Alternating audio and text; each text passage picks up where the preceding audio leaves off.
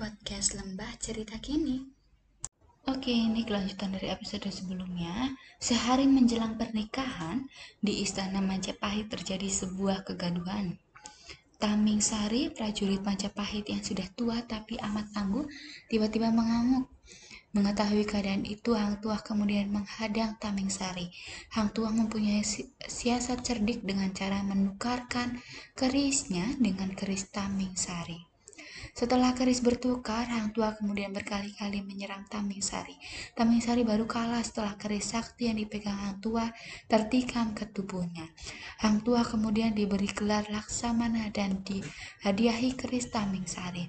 Baginda Raja bersama istri dan rombongannya kemudian kembali ke Melaka. Selama bertahun-tahun negeri ini aman dan tentram. Hang Tuah menjadi laksamana yang amat setia kepada Raja Melaka dan amat disayang serta dipercaya Raja. Hal itu menimbulkan rasa iri dan dengki prajurit dan pegawai istana dan kemudian akan kita lanjutkan di next episode.